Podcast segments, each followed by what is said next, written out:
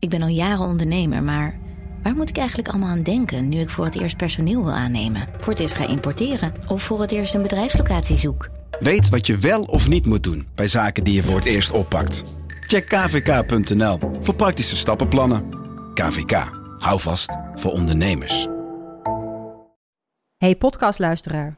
Ook op zoek naar een relevante invulling van je schaarse luisteruren? Tune dan in op de podcastserie ESG, even samengevat van BNP Paribas. Wij, Marloes en Aldert, spreken daar duurzame voorlopers en wereldverbeteraars. Waarover dan? Nou, bijvoorbeeld of we ooit duurzaam kunnen gaan vliegen. En waarom koeien in de stad nou een goed idee is? Dat en meer elke twee weken in een nieuwe aflevering. Dus abonneer je. ESG, even samengevat.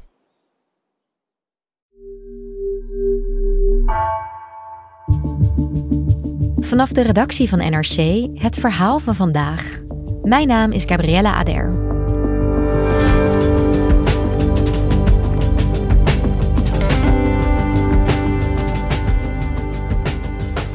Om de stikstofdoelen van het kabinet te behalen, moeten honderden boeren zich uit laten kopen. Maar wie die boeren zijn en of ze mee willen werken aan dit beleid is onzeker. Dataredacteur Wouter van Loon berekende wie die piekbelasters zijn en hoorde hoe gedwongen uitkoop steeds dichterbij komt.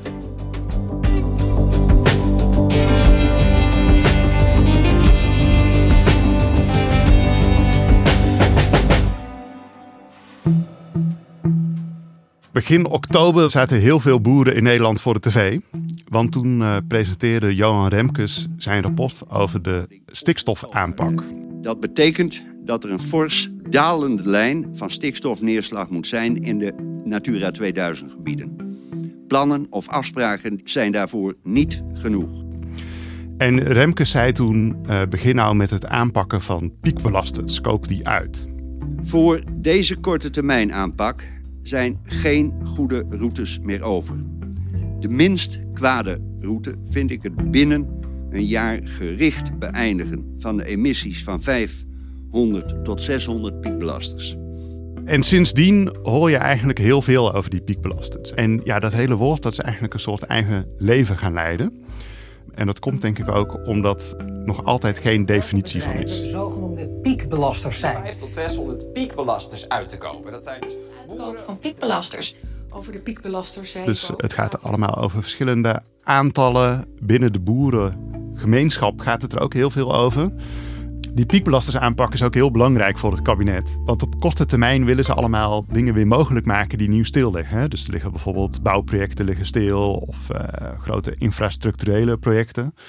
Dus daar moet nieuwe stikstofruimte voor vrijkomen en dat willen ze doen met die piekbelastersaanpak. Dus Van der Wal wil nog dat dit jaar genoeg ruimte wordt vrijgemaakt om dat weer mogelijk te maken.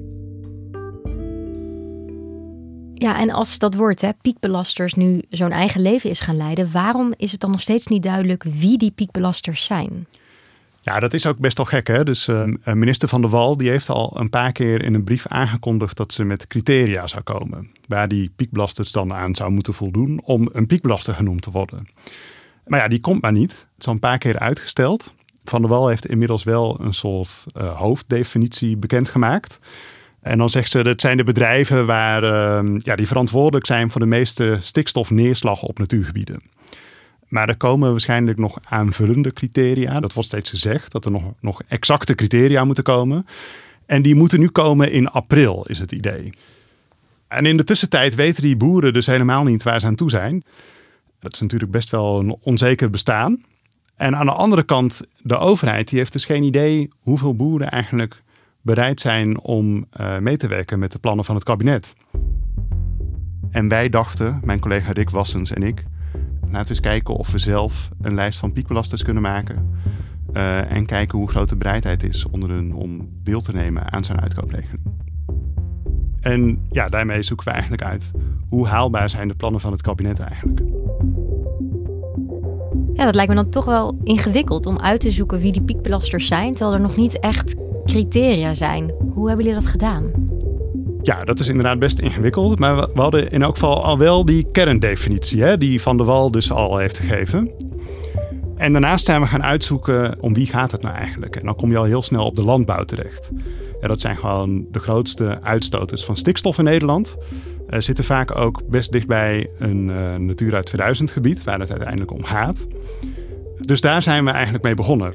En wij willen natuurlijk dan rekenen met de beste gegevens die er zijn. Dat zijn eigenlijk de landbouwtellingen, wordt dat genoemd. En boeren geven in die landbouwtellingen door welke stal ze hebben staan, op welke locatie die staat en hoeveel dieren daarin staan. En daarmee kun je dan uitrekenen hoeveel stikstof ze uitstoten. Uh, maar die, ja, die gegevens die zijn niet openbaar. Daar verzetten boeren zich ook tegen. Die zeggen dit is uh, privé-informatie. Ja, waar hun stal staat, daar wonen ze vaak naast. Dus dan wordt hun woonadres openbaar gemaakt. En uh, ja, daar verzetten ze zich tegen. En tot nu toe heeft het ministerie daar altijd gehoor aan gegeven. Ja. We hebben wel geprobeerd om die gegevens op te vragen, maar we kregen ze niet. Dus voorlopig kunnen wij daar niet mee rekenen. Dus je moest iets anders bedenken. Precies, ja. Dus wij zijn op zoek gegaan naar een andere dataset waar je wel mee zou kunnen rekenen, die wel openbaar is. En toen kwamen we op een database van drie provincies die hun natuurvergunningen hebben vrijgegeven. Dat hebben ze zelf gedaan. Het gaat dan om uh, Gelderland, Brabant en Limburg. En dat zijn de drie grootste landbouwprovincies, dus die zijn heel relevant voor dit verhaal. Het heeft wel een tekortkoming, helaas. Het gaat om vergunningen. Dus uh, we weten hoeveel dieren er in een stal mogen staan. Maar we weten niet hoeveel dieren er daadwerkelijk in staan. Maar we hebben met boeren gesproken en dan blijken die vergunningen best wel goed te kloppen. Ja. Als je weet hoeveel dieren uh, een veehouder heeft en in welk type stal die staat, dan weet je ook hoeveel stikstof uh, zo'n veehouderij verantwoordelijk is. Ja. Dus bijvoorbeeld een koe doet in een traditionele stal stoot ongeveer 13 kilo ammoniak per jaar uit. Mm -hmm. Er zijn allemaal technieken in zo'n stal om de ammoniakuitstoot te beperken. Dus in een ander type stal doet zo'n koe misschien 6 kilo. Dus als je weet hoeveel uh, koeien staan er in de stal en wat voor staltype, dan weet je hoeveel ammoniak ja, voor zo'n veehouder eigenlijk uitstoot. En dat staat allemaal in die vergunningen? Uh, dat staat allemaal in die vergunningen, exact. Dus als je die hebt, daar kun je mee aan de slag om de volgende som te maken. Ja, dus we hebben nu de gegevens van die 19.000 veehouderijen. En we weten hoeveel stikstof ze uitstoten. Maar uiteindelijk gaat het daar niet om. Het gaat er namelijk om hoeveel van die stikstof komt terecht op een Natura 2000 gebied. Want dat is uiteindelijk wat relevant is. Niet of het op een parkeerplaats komt of op een woonwijk. Het gaat erom hoeveel komt terecht op een kwetsbaar natuurgebied. Ja, en hoe bereken je dat dan? Ja, dat is dus heel ingewikkeld. Daarvoor heb je dus een model. Um, dat is nu onder het beheer van het RIVM. Uh, en in dat model zitten allemaal factoren zoals bijvoorbeeld de windrichting of uh, hoe vaak het in een bepaald gebied regent of wat voor type terrein het is. Zijn het heuvels of is het vlak water? Staan er bomen op? Oh, dat heeft er ook allemaal nog mee te maken. Dat heeft allemaal invloed op ja, hoe ver die stikstof kan reizen. Ja. En welke kant op, hè, in het geval van de windrichting. Maar je zei al, hè, dat uh, zijn gegevens die het RIVM heeft, dus die heb jij niet. Nee, dus wij zijn onze gegevens in dat model gaan stoppen. Hè. En dat was ook nog best wel ingewikkeld. Want met zo'n model kun je niet zomaar rekenen. Daar moet je je best wel even in verdiepen. In eerste instantie hebben we iemand gevraagd om voor ons te rekenen. Dat was Ton Brouwer, dat is een, een uh, expert. En die heeft die een kaart gemaakt. En met die kaart kon je al best aardig berekenen ja, hoeveel stikstof, als je dat in een bepaald regio de lucht inpompt, hoeveel er dan daadwerkelijk op een Natura 2000 gebied komt. Maar wij wilden dat ook heel graag zelf kunnen berekenen. Ja. En nu is het zo dat een stukje van dat model van het RIVM, dat, dat staat gewoon online. Dus als je bijvoorbeeld een boer bent en je wil je stal uitbreiden, dan kun je daar je gegevens invullen. En dan kun je al zien hoeveel stikstof er op een Natura 2000 gebied terechtkomt. Dus jullie konden ook jullie gegevens gewoon in dat deel van het RIVM-model stoppen? Ja, het nadeel is alleen dat stukje dat rekent uh, tot 25 kilometer van de bron. Want verder is voor een vergunning niet relevant. Nee. Maar voor het beleid van de overheid natuurlijk wel. Dus wij moesten eigenlijk onder de motorkap van dat model gaan kijken. Dus toen zijn we de handboeken van het model uh, ingedoken. Die staan gewoon online. Die kun je, kun je daar gewoon op gaan zoeken. Dan zie je alle variabelen die je moet invullen. Handboek RIVM. Handboek Arius, ja. ja. Oh, ja. Op een gegeven moment wist uh, mijn collega Rick Wassens wist ook allemaal variabelen uit zijn hoofd. Die hoefde hij niet meer in het handboek op te zoeken. En dat heeft best wel even geduurd voordat we dat onder controle hadden. Maar we hebben dus uiteindelijk kunnen wij zelf rekenen met dat model. Ja, we zijn hier uh, ruim drie maanden mee bezig geweest. We hebben hier soms ook wel echt avonden op de redactie gezeten dat we dachten, hoe kan het nou dat het nu nog steeds niet werkt? Frustrerend. Uh, en dan bleek er ergens een komma verkeerd te staan of een haakje niet goed. En ja, dan, dan werkte het dus niet. Dus ja, we waren ook wel echt blij toen we het uiteindelijk aan de praat hadden gekregen. En toen konden we dus ook een lijst maken. Een lijst met 100 grote, de 100 grootste piekbelasters. Dat zijn uiteindelijk de belangrijkste piekbelasters. Want Van der Wal heeft een reductiedoelstelling opgesteld. En als je die 100 piekbelasters, grootste piekbelasters zou uitkopen, dan zou je al op de helft zijn. Dus dan ben je al een heel eind op weg in, in het doel wat, precies, in het doel wat Van der Wal heeft gesteld. Dus wij dachten, nou, laten we eens even gaan kijken waar zitten die 100 grootste piekbelasters en kunnen we die mensen bereiken om te kijken, zijn zij bereid om mee te werken? Nou, ik ben sowieso wel heel benieuwd naar die lijst. Ja, dus hier hebben we de kaart. Je ziet hier een concentratie, hè? dus dat is vlakbij uh, de Veluwe. Dat is in die Gelderse vallei, dus die inkeping in de Veluwe. Tussen Ede en Amersfoort. Rond, rond ligt het, hè? rond uh, Banneveld en Bekerom. Dat is een beetje de, de, de regio waar het om gaat. Ja, en daar zitten gewoon heel veel relatief grote boeren die dus heel dicht bij een Natura 2000 gebied zitten. Ja, nu hebben jullie die piekbelasters uiteindelijk toch kunnen vinden eigenlijk in jullie model. Ja. Alleen Wouter, ergens vraag ik me wel nog af, hoe ben je er nu zo zeker van dat nou, jullie piekbelasters ook de piekbelasters zijn die het kabinet straks uit de hoge hoed gaat toveren? Ja, wij hebben nu gekeken naar 100 piekbelasters. Maar het kabinet die, uh, wil straks dat 3000 piekbelasters uh, mee gaan werken. Dat is natuurlijk een veel grotere groep. En ja, die piekbelasters waar wij naar hebben gekeken, dus die honden, die zijn zo groot in termen van hoeveel stikstof zij bijdragen uh, aan kwetsbare Natura 2000 gebied. Ja, dat moet bijna wel dat al die 100 piekbelasters ook tot die grote groep van de overheid uh, vallen. Dus het kaartje waar ik nu naar kijk, hè, die, die rode stippen, dat zijn de piekbelasters. En dat zijn dus eigenlijk de bedrijven waar toch iets mee zou moeten gebeuren om die stikstof te reduceren. Als zij niet willen meewerken, dan heeft Van der Wal in elk geval wel een groot probleem. Dus wij zijn daarom die top 100 gaan bellen. Van, zijn jullie bereid om mee te werken aan de plannen van Van der Wal? Willen jullie je laten uitkopen? Een hele goede morgen met uh, Wouter van Loon, journalist. Dag, met Rick Wassens. Ik ben uh, journalist. Hoi, ben ik gelegen? Hoi. Een hele goede morgen met uh, Wouter van Loon, journalist bij, bij NRC Handelsblad.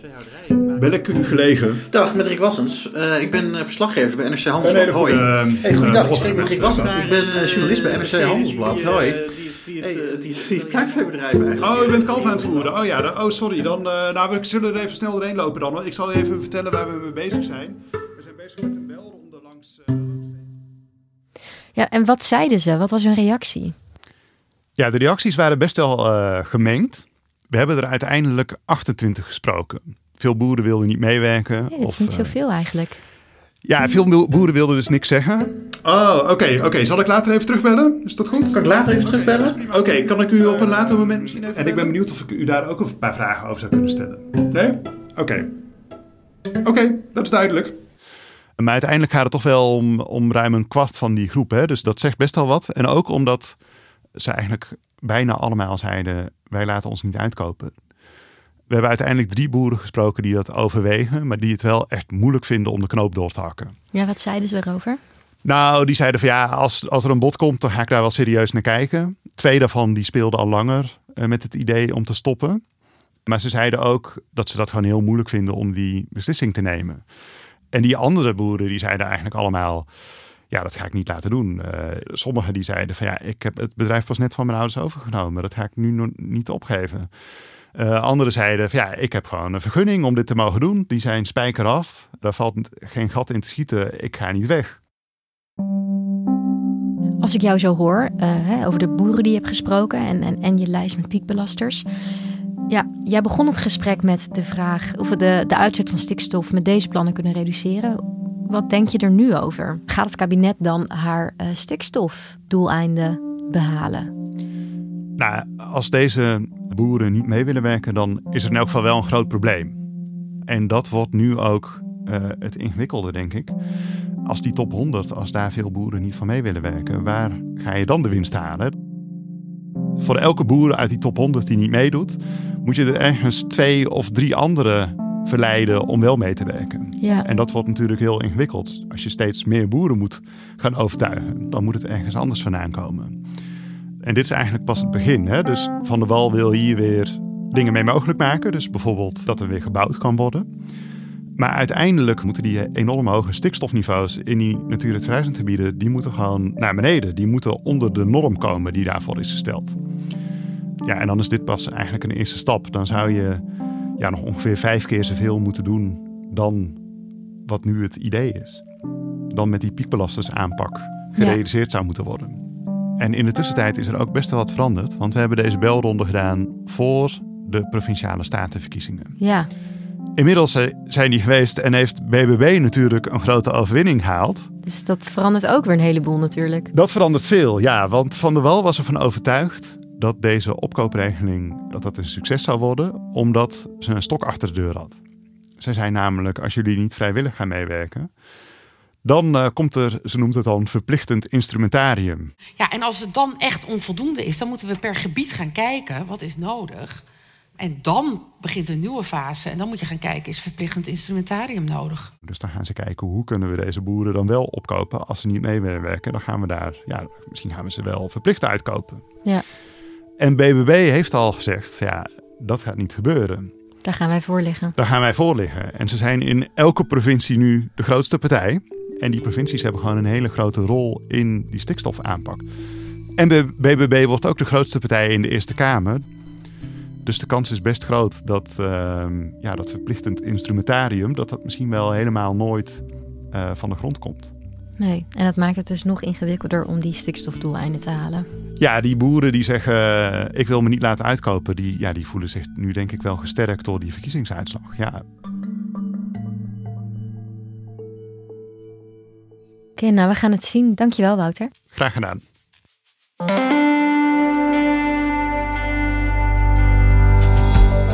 Je luisterde naar vandaag, een podcast van NRC. Eén verhaal, elke dag. Deze aflevering werd gemaakt door Iris Verhulsdonk, Claire Verplanken en Jeroen Jaspers. Coördinatie door Henk Ruigrok van de Werven. Wil je weten hoe dit kabinet worstelt met de aanpak van stikstof? Luister hem dan morgen naar de nieuwe aflevering van Haagse Zaken in je podcast-app. Dit was vandaag, maandag weer.